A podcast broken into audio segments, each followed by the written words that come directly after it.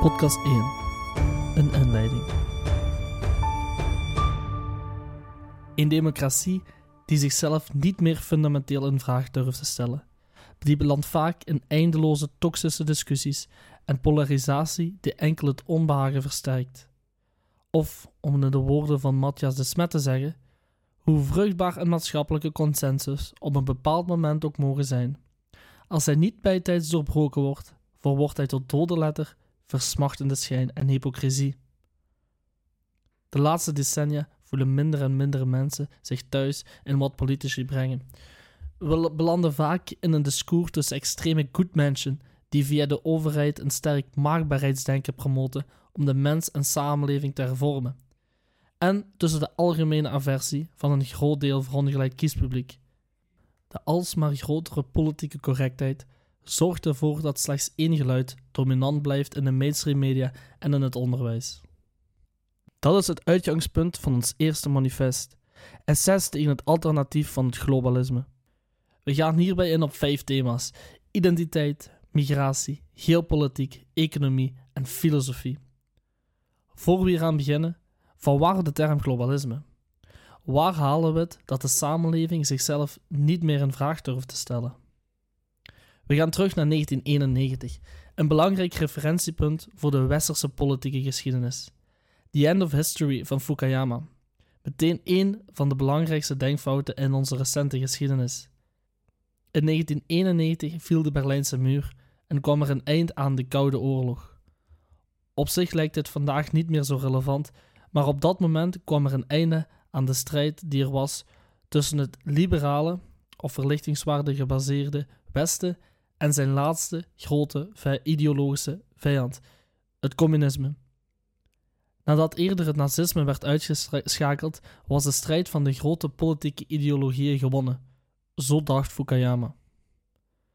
Het liberale idee was het beste, en op dat moment kwamen er ook vele liberale democratieën bij, zoals bijvoorbeeld in Oost-Europa, eh, Polen, Hongarije, de Baltische Staten.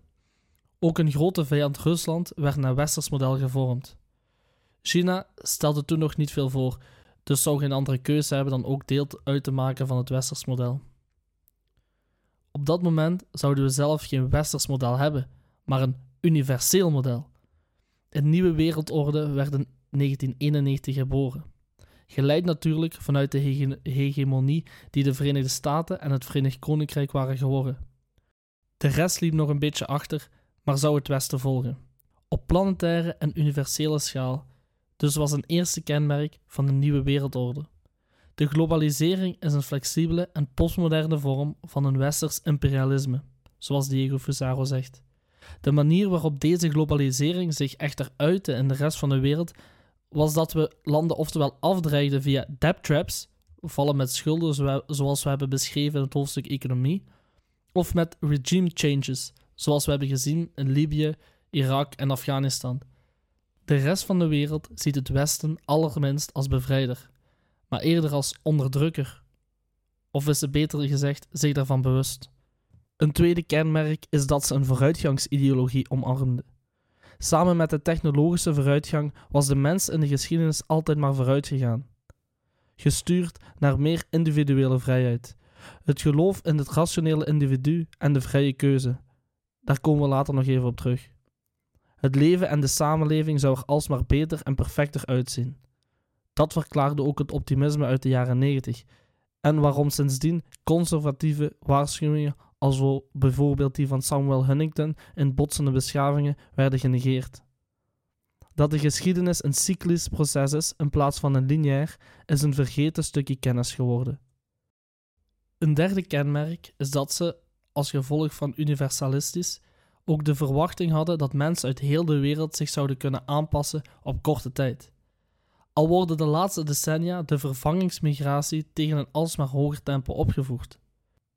Een vierde en laatste kenmerk is dat ze als fundament het individu had. Een individu dat zich in ideale zin bevrijdde uit zijn samenleving. De Davos-mensen hebben weinig nood aan nationale loyaliteit. Globalisten zien nationale grenzen als obstakels die aan het verdwijnen zijn. Nationale regeringen zien ze als restanten van het verleden. De enige nuttige functie van deze zijn het faciliteren van de elite hun globale operaties. De uitbreiding van de politieke macht, zonder een degelijk functionerend politiek lichaam, is een grote vlag als het gaat over autoritarisme en totalitarisme, waarschuwde trouwens nog filosoof Hannah Arendt. In 1991 werden veel liberale democratieën geboren, maar die democratie werd nog beschermd door nationale soevereiniteit. Deze werd echter heel snel ondermijnd door oprukkende supranationale instellingen en grote lobbymachines zoals de Europese Unie, de NAVO, het World Economic Forum, de Europese Centrale Bank en het Internationaal Monetair Fonds. De nationale soevereiniteit viel weg en is vandaag in veel gevallen zelfs verwaarloosbaar op het internationaal toneel. Pijnlijk duidelijk werd het in Nederland met het referendum over het handelsverdrag met Oekraïne. Toen premier Rutte de soevereine beslissing van de Nederlandse bevolking in een vingerklim negeerde voor de Europese Unie zijn imperiale ambities niets in de weg te staan. Vandaag zien we daar trouwens de bloedige gevolgen van. Maar terug over het individu als uitgangspunt. De mens heeft zich bevrijd uit zijn grote collectieve identiteiten. Het volk en zijn religie als iets wat hem belemmerde in zijn vrije keuze. Hier ontwerelde men het individu en creëerde men vooral een controleerbare massa die moest gestuurd worden via een heropvoedende overheid. Vandaag zijn uit elkaar gevallen gezinnen en vereenzaming meer de regel geworden als de uitzondering. Demografisch gaan we, zeker de autochtone westerse bevolking, er sterk op achteruit. De mens heeft zijn zingeving veranderd naar deprimerend consumentisme en materialisme, dat de leegte van een sociaal en warm thuisgevoel onmogelijk kan vullen.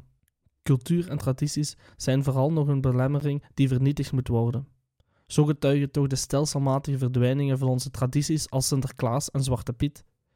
Zelfs de films en literatuur, zoals Tolkien, Jan Fleming, Roald Dahl, wat gemeenschappelijke ankerpunten zijn die een emancipatorisch effect hebben voor een samenleving, worden naar de marge geduwd of zelfs volledig gecanceld. We gaan verder door in het hoofdstuk filosofie op het onderscheid van het individu als subject en het object, een maakbare wereld, de ultieme droom van diegenen die een mechanistisch wereldbeeld nastreven. Voor ons is de wereld niet maakbaar. Wij willen de wereld benaderen zoals ze is, organisch en niet top-down gestuurd, vanuit een abstract maakbaarheidsdenken dat op een bepaald moment steeds doorslaat naar fanatisme. Voor diegenen die trouwens op zoek zijn naar onze inspiraties en bronnen.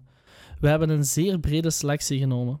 De filosofieën van onder andere Martin Heidegger, Oswald Spengler, Friedrich Nietzsche, Alain de Benoit, Diego Fusaro, Alexander Dugin, Hannah Arendt enzovoort komen aan bod. Daarnaast halen we ook theorieën aan zoals die van Horkheimer en Kemi Seba, Hart en Antonio Negri, Sarah Wagenknecht en nog tal van anderen.